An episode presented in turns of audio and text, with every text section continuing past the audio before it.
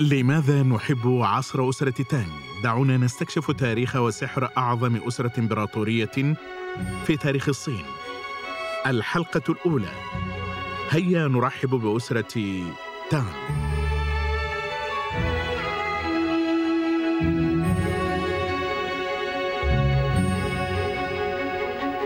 مرحبا بكم. معكم أسامة مختار وفي هذه السلسلة الصوتية سنتعرف معا على أسرة تانغ ونحاول اكتشاف كيف وصلت للقمة وأصبحت الدولة الأكثر ازدهارا وترابطا وابتكارا في العالم وكيف حظيت بإرث غني ومؤثر لا يزال قائما حتى يومنا هذا.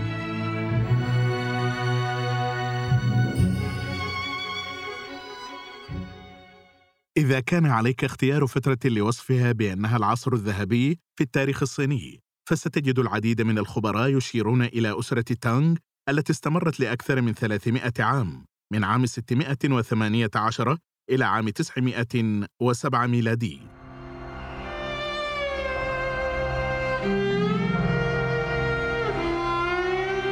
أصبحت الصين خلال فترة أسرة تانغ واحدة من أكثر الدول ازدهارا وتأثيرا في العالم.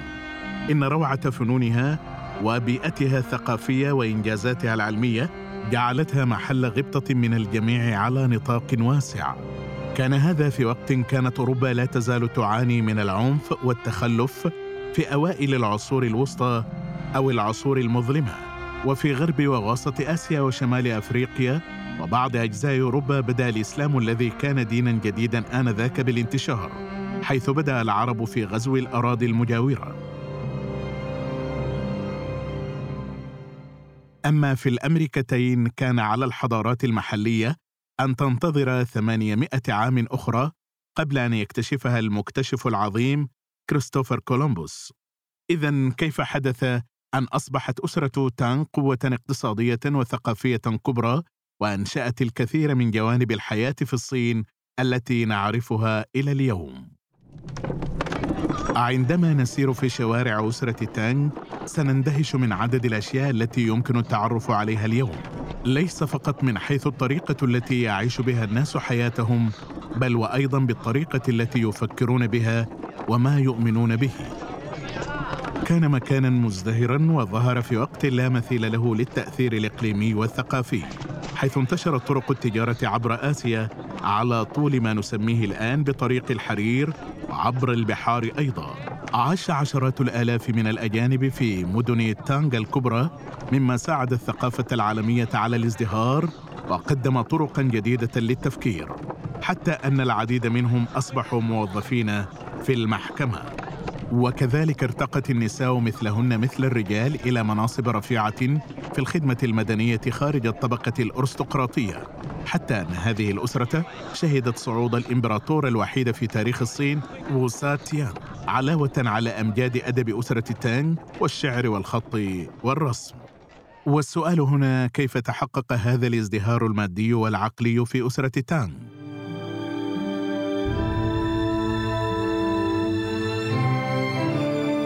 هناك عبارة تقول يأتي الرجل المناسب في الوقت المناسب والتي لها صلة وثيقة بتأسيس أسرة تانغ.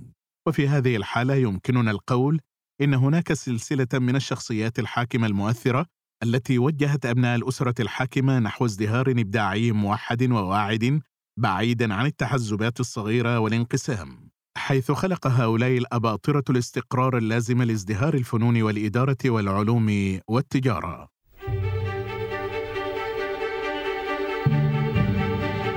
في وقت مبكر تم تأسيس مدونة قوانين مفصلة مبنية على الممارسات القانونية للأسر السابقة ووضعوا مجموعة يسهل فهمها من نتائج الجرائم وعقوبات فردية محددة لأي انتهاك.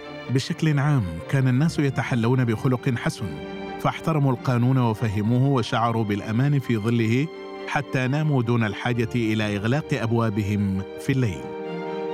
أشرف على كل هذه التغييرات مجموعة جديدة من الموظفين الأكفاء الذين يتمتعون بمعرفة موسوعية بدلا من الحصول على وظائفهم بسبب مكانتهم العالية أو الذين يعرفونهم.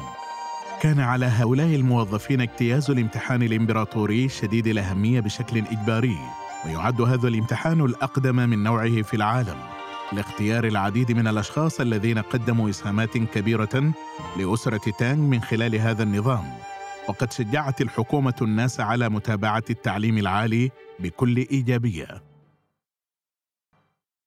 كان الامتحان النهائي يعقد مرة واحدة سنوية في العاصمة تشانغ ان والتي كانت بالفعل مدينة شاسعة آنذاك.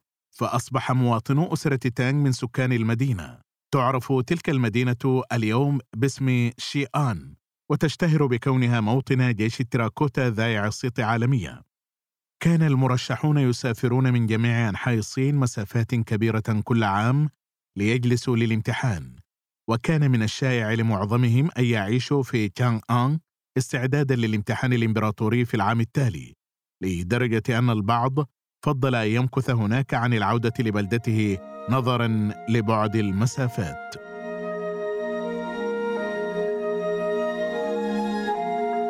لكن في الحقيقة كان المكوث في تشانغ آن خطوة جيدة.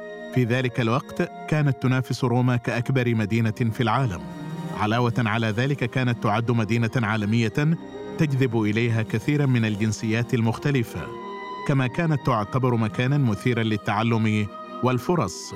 وكانت موطنا للعلماء والفلاسفة والحرفيين والشعراء والدارسين والرسامين والتجار من آسيا الوسطى وخارجها فجلب كل منهم نكهة من ثقافته معه كانت كيانغ آن إناء تنصهر فيه الأفكار فتجمع أعمالا أكاديمية متاحة للدراسة من كل بقاع الأرض لكن كيف وصلت هذه الكتب الأجنبية والأفكار وهؤلاء الناس إلى تشانغ آن؟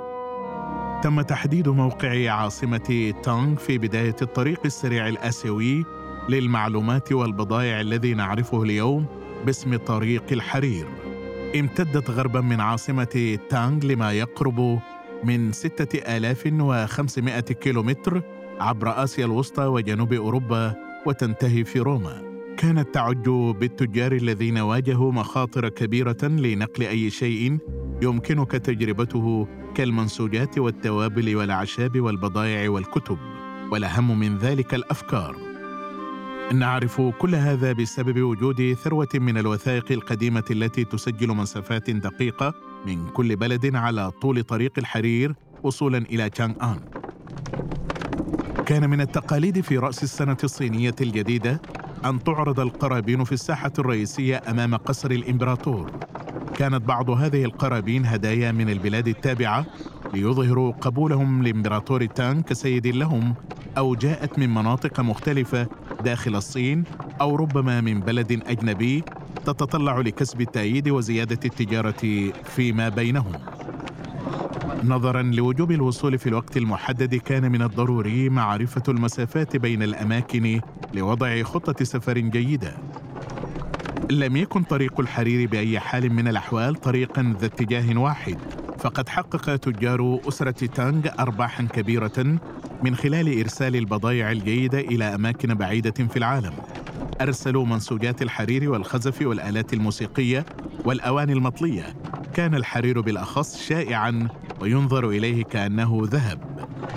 كما صدروا تقنيات متقدمة إلى الدول الأخرى مثل صناعة الورق والأدوات العلمية والبارود والخزف والمواد المنسوجة. كان تأثير طريق الحرير بالنسبة لأسرة تانك كتأثير تطور الإنترنت اليوم. بينما كان طريق الحرير مفتاحا للاتصال الدولي خلال عهد أسرة تانغ تم تسهيل التواصل المحلي عن طريق عملية لوجستية مذهلة ألا وهي نظام البريد الواسع للإمبراطورية. في ذروته كانت هناك حوالي 1300 محطة بريدية منتشرة على طول الطريق. تقع محطة بريدية واحدة كل خمسة كيلومترات.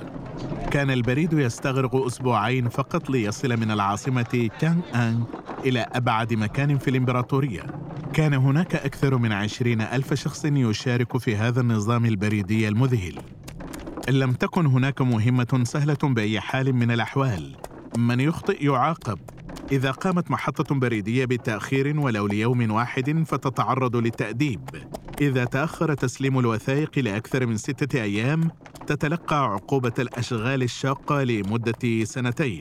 وصل الأمر إلى أن تأخير الوثائق العسكرية العاجلة قد يودي بحياة المتسبب. إن ازدهار أسرة تانغ وكرم الضيافة الذي أظهره الأباطرة للأجانب وأفكارهم وثقافتهم جعلت من عصر أسرة تانغ حقبة رائعة للفنون والثقافة. الإمبراطور شوان سونغ الذي يعد إمبراطور أسرة تانغ السابعة والتاسع كان هو نفسه موسيقي موهوب لم يؤلف الموسيقى فحسب بل درب أيضا مغنيي البلاط الإمبراطوري وراقصيه شهدت الاحتفالات الإمبراطورية الكبرى انتعاشا كبيرا مع فرق الأوركسترا الكبيرة وفرق الراقصين من البلاط الإمبراطوري.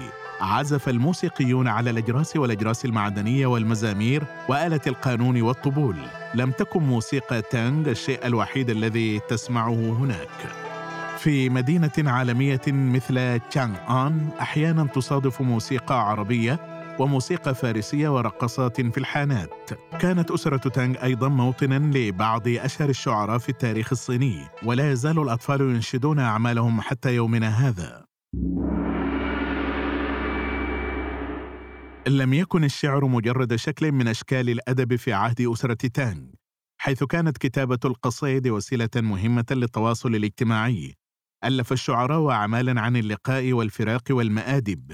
غالبا ما كانوا يستوحون أعمالهم من المرح الصاخب الذي روي عنهم. كتب الجميع الشعر. حتى المحظيات افتخرن بكونهن شاعرات ومغنيات وراقصات ومثلوا مصدر إلهام لعديد من القصائد. أنتجت أسرة تانغ أيضا عددا كبيرا من الخطاطين البارزين الذين يتفوق عملهم على أعمال الأسر الأخرى. فوضعوا المعايير للأجيال القادمة للممارسين الصينيين. كانت مهاراتهم محل تقدير لأبعد الحدود. اختارت بعض الدول المجاورة مثل اليابان التعلم من أسرة تانغ والتي كانت تعتبر في ذلك الوقت الدولة الأكثر تقدما وموضع غبطة العالم أجمع. جاءت أعداد كبيرة من الطلاب والرهبان الشباب من اليابان إلى أسرة تانغ لتتعلم كل شيء. من السياسة والإدارة واللغة والثقافة والتكنولوجيا والدين. كما ترون نحن أيضا مثل طلاب اليابان والتجار من كل بلد على طول طريق الحرير. لدينا الكثير لنتعلمه عن أسرة تانغ المدهشة. شكرا لكم لحسن استماعكم وانتظرونا في الحلقة القادمة.